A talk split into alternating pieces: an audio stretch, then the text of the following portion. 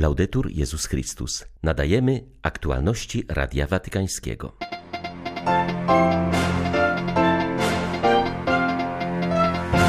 Dziś odbył się pogrzeb Indii Gregory. Do rodziny ośmiomiesięcznej dziewczynki i żałobników przesłano papieskie kondolencje. W obliczu tak wielu tragedii, które wciąż dotykają ludzkość, nie możemy pozwolić, aby skradziono nam nadzieję. Przypomina kardynał Pietro Parolin w kontekście szczytu klimatycznego w Dubaju, konfliktu w strefie gazy oraz rosyjskiej agresji na Ukrainę. W niecały rok po śmierci Benedykta XVI wczoraj wręczono nagrody Ratzingera, wspominając tego wielkiego papieża. 1 grudnia wita Państwa ksiądz Tomasz Matyka, zapraszam na serwis informacyjny. Niewątpliwie w centrum prawa kanonicznego i cywilnego znajduje się osoba, Szczególnym elementem prawa kanonicznego jest osoba jako odkupiona w Chrystusie, jako wierna w Kościele, wskazuje papież. Przypomina, że we wspólnocie wiernych należy przede wszystkim dbać o zbawienie dusz. Takie słowa znajdują się w przesłaniu napisanym z okazji 50-lecia Międzynarodowego Stowarzyszenia promującego studium prawa kanonicznego. W tekście Franciszek zaznacza potrzebę zachowania prostoty w głoszeniu Ewangelii. Zachęca równocześnie do stałego rozeznawania nowych dróg dotarcia do ludzi, bowiem wspólnota wiernych żyje w historii. To dotyczy także kwestii prawa. Można pozostawać kanonistą, ale w sposobie myślenia być bez wiary, zauważa Ojciec Święty. Przestrzega przed taką pozycją. Wszystkie wymiary oraz struktury kościelne powinny wypełniać nawrócenie duszpasterskie i misyjne, aby dać światu jedyne, czego tenże potrzebuje Ewangelię miłosierdzia Jezusa, zaznacza papież. Również to powinno realizować się w wymiarze prawa. Stać się duszpasterskim nie oznacza odłożenia zasad na bok czy kierowania się nimi według własnego uznania, ale konieczne upewnianie się przy ich zastosowaniu, że wierni odnajdują w nich obecność miłosiernego Jezusa, który nie potępia, lecz zachęca ich, aby więcej nie grzeszyli, pisze Franciszek. Ojciec Święty pod koniec tekstu zachęca kanonistów. Miejcie świadomość bycia narzędziami Bożej sprawiedliwości, zawsze nierozerwalnie złączonej z miłosierdziem. Papież Franciszek ze smutkiem przyjął wiadomość o śmierci małej Indii Gregory i przesyła kondolencje oraz zapewnienie o swojej duchowej bliskości jej rodzicom, Dinowi i Claire oraz wszystkim, którzy opłakują stratę tego cennego dziecka Bożego. Czytamy w watykańskim telegramie. Tekst przygotowano na dzisiejszy pogrzeb odłączonej niedawno od aparatury ośmiomiesięcznej Brytyjki, która cierpiała na rzadką chorobę dotykającą mitochondriów komórkowych. Pomimo ofert leczenia ze strony watykańskiej Włoskiego Szpitala Pediatrycznego Dzieciątka Jezus i wsparcia włoskiego rządu, angielski sąd nie wyraził zgody na wyjazd dziewczynki z kraju oraz nakazał odłączenie jej od systemu podtrzymującego życie. Wszystko to przy ostrym sprzeciwie rodziców. Powierzając Indii w czułe i kochające ręce naszego niebiańskiego Ojca, Jego świątobliwość dołącza do zgromadzonych na jej pogrzebie, dziękując Wszechmącemu Bogu Bogu za dar jej zbyt krótkiego życia, czytamy w telegramie. Tekst zapewnia również o modlitwie Franciszka, aby Pan obdarzył wszystkich opłakujących to dziecko trwałym pocieszeniem, siłą i pokojem. Pielęgnujcie silną, żywą i autentyczną osobistą relację z Jezusem, a zwycięsko pokonacie każdy kryzys i każdą trudność. Ta zachęta kardynała Pietro Parolina znajduje się w liście, jaki w imieniu papieża Franciszka wystosował na odbywające się w Paryżu spotkanie seminarzystów z całej Francji. Czytamy tam, że kapłan stracił w tym kraju cały prestiż, a jego autorytet został nadszarpnięty w oczach ludzi, stąd dziś trzeba radykalnej zmiany stylu duszpasterskiego, pokory, bezinteresowności i ubóstwa. Jak podkreśla watykański sekretarz stanu, spotkanie seminarzystów w Paryżu jest okazją do dziękczynienia za to, iż wciąż tak wielu młodych ośmiela się z hojnością i odwagą wiary podążać za Panem, służąc braciom i siostrom. Dajcie radość i nadzieję Kościołowi we Francji, który na was czeka i was potrzebuje, podkreśla kardynał Parolin. Przypomina, że serce tożsamości kapłańskiej stanowi celibat, który nie tyle jest wymogiem teologicznym, ile mistycznym. Dodaje zarazem, iż nikt nie ma władzy, aby zmienić naturę kapłaństwa i nikt tego nie zrobi, nawet jeśli sposoby jego wykonywania muszą uwzględniać zmiany zachodzące w społeczeństwie i poważny kryzys powołaniowy, jakiego doświadczamy. Przypomina też seminarzystom: Jeśli Jezus jest dla mnie wystarczający, nie potrzebuję nieuporządkowanych uczuć, rozgłosu, wielkich obowiązków, robienia kariery, błyszczenia w oczach świata, ani bycia lepszym od innych. Jeśli Jezus jest dla mnie wystarczający, nie potrzebuję wielkich dóbr materialnych, cieszenia się pokusami świata, ani zabezpieczeń na przyszłość.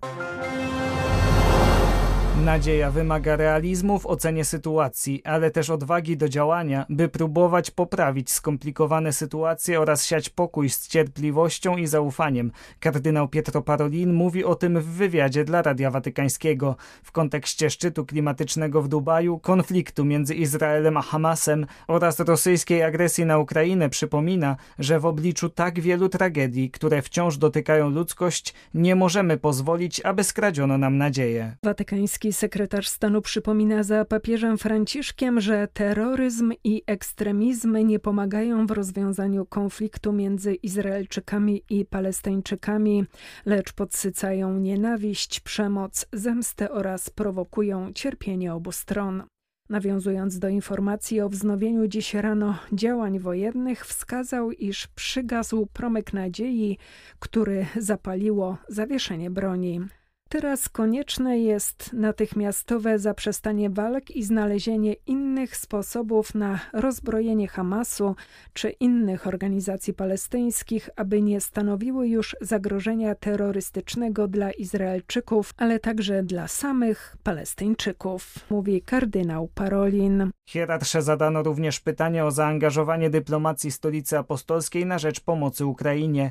Wskazuje on, iż działania te niezmiennie koncentrują się na kwestii kwestiach humanitarnych w szczególności na repatriacji nieletnich. Kardynał Parolin ujawnił, iż wymiana informacji między stroną ukraińską i rosyjską za pośrednictwem nuncjatur apostolskich obecnych w obu krajach umożliwiła zweryfikowanie sytuacji dziesiątek dzieci. Z nazwiska wymienił Bogdana Jermokina, który po stracie rodziców został deportowany z Mariupola do Doniecka, gdzie nadano mu obywatelstwo rosyjskie. Nastolatek próbował wrócić na Ukrainę, ale schwytały go służby. Jego sprawa stała się głośna po tym, gdy tuż przed osiemnastymi urodzinami miał się stawić do komisji poborowej w rosyjskiej armii. Wówczas zwrócił się o pomoc do prezydenta Zełęskiego i dzięki wsparciu watykańskiej dyplomacji udało się wyegzekwować jego repatriację na Ukrainę. Kardynał Parolin podkreśla, że zainicjowany po misji kardynała Dzupiego mechanizm powrotu deportowanych przez Rosjan ukraińskich dzieci jest doskonalony i daje coraz lepsze wyniki. Mamy nadzieję, że ten wysiłek otworzy drogę do dialogu również w innych innych kwestiach, podkreślił watykański sekretarz stanu. Nieco mniej niż rok temu Benedykt XVI kończył swoją długą ziemską wędrówkę. Dlatego ceremonia wręczenia nagród jego imienia w naturalny sposób nabiera charakteru spotkania poświęconego jego pamięci i refleksji nad dziedzictwem, które nam pozostawił. Zauważył wczoraj kardynał Pietro Parolin podczas wspomnianej uroczystości. Nagrodę Ratzingera otrzymali z rąk watykańskiego sekretarza stanu dwaj Hiszpanie. Ksiądz profesor Pablo Blanco Sarto, teolog oraz profesor Torralba Rosselló, ojciec rodziny i filozof. W trakcie ceremonii kardynał Parolin przypomniał, iż dziedzictwo Benedykta XVI stanowi żywą spuściznę, która ma nadal przynosić owoce na drodze Kościoła w naszych czasach, patrząc nie wstecz, ale w przyszłość. Poprzednik papieża Franciszka, wnosząc do swej posługi najwyższego pasterza bogactwo refleksji z całego swojego życia, pomógł zrozumieć głębokie przyczyny problemów i znaleźć solidne fundamenty, na jakich można oprzeć poszukiwanie rozwiązań, zaznaczył Purpurat. Nie ulega wątpliwości, że Benedykt XVI jest mistrzem i wzorem prowadzenia dialogu między wiarą a rozumem w dzisiejszym świecie, w całej jego złożoności kulturowej i we wszystkich kluczowych kwestiach, które stawia przed nami każdego dnia. Ponadto poprzednik papieża Franciszka stanowił przykład duszpasterza i nauczyciela wiary, dodał Purpurat. Na koniec zwrócił się do tegorocznych laureatów i zebranych. Nagrodzonym, a także wam wszystkim życzę, byście kontynuowali swoją służbę, czując inspirację i wsparcie spuścizny tego wielkiego papieża Benedykta XVI. Dziś był pogrzeb bezdomnej Ripaldy Policastro, pochodzącej z Apuli na południu Włoch. Ostatnie prawie 10 lat spędziła na placu della Città Leonina przy Watykanie. Ja chcę umrzeć tutaj, na tym placu, powtarzała. Pracownicy barów przynosili jej cappuccino lub posiłek, ale nie zawsze to przyjmowała. O kobiecie mówi kardynał Konrad Krajewski, który przewodniczył jej mszy świętej pogrzebowej. Miała 92 lata. Można powiedzieć, to była nasza babcia, która zawsze na nas czekała na placu Leonina. To jest plac, który bezpośrednio dotyka murów y, watykańskich. Nie chciała nigdzie iść do żadnego domu, do żadnego apartamentu, które proponowaliśmy. Chciała żyć tam i rzeczywiście żyła czyściutka, schludna. Jedyne, co ją charakteryzowało najbardziej, to cały dzień paliła cygaro, olbrzymie cygaro. Ja zawsze mówiłem, że ona okadza Watykan. Śmiała się wtedy bardzo. W ostatnim roku, kiedy było bardzo zimno, w końcu zaakceptowała naszą prośbę. Wykupiliśmy jej pokój. Natomiast ostatni miesiąc, kiedy już chorowała, została y, zaproszona i przyjęła to zaproszenie do sióstr koreańskich, do ich domu. To Karol Wojtyła tuż po Soborze Watykańskim II widział zagrożenia dla cywilizacji, wówczas trudne do wyobrażenia, mówi George Weigel, filozof i teolog, biograf świętego Jana Pawła II, amerykański badacz, który wygłosił na Rzymskim Uniwersytecie Angelicum trzeci z tak zwanych wykładów janopawłowych, apelował, by Kościół stał się kontrkulturą do współczesnych zagrożeń. Relacja Karola Darmorosa z Polskiego Radia. George Weigel to amerykański filozof i teolog, jeden z najbardziej uznanych zachodnich biografów świętego Jana Pawła II.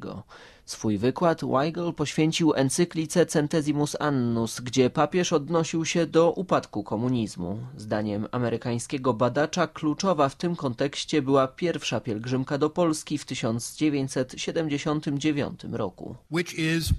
To, co stało się w kolejnej dekadzie, to rewolucja sumienia, która przeszła przez Europę Środkowo-Wschodnią i umożliwiła pokojową rewolucję roku 1989 oraz upadek europejskiego komunizmu. Rewolucja ducha rozbiła imperium, które zmonopolizowało materialną władzę w tej części świata od 1945 roku. Odnosząc się do pojęcia wojen kulturowych, przedstawiciel Ethics and Public Policy Center w Waszyngtonie podkreślał, że powszechne dziś zagrożenia trafnie diagnozował już ponad pół wieku temu wówczas jeszcze kardynał Karol Wojtyła. George Weigel przypomniał fragment jego listu do jezuity Henri'ego de Lubaka. Zło naszych czasów polega przede wszystkim na pewnego rodzaju degradacji, czy wręcz ścieraniu na proch fundamentalnej wyjątkowości każdej osoby ludzkiej. To zło przejawia się w znacznie większym stopniu w porządku metafizycznym niż w porządku moralnym.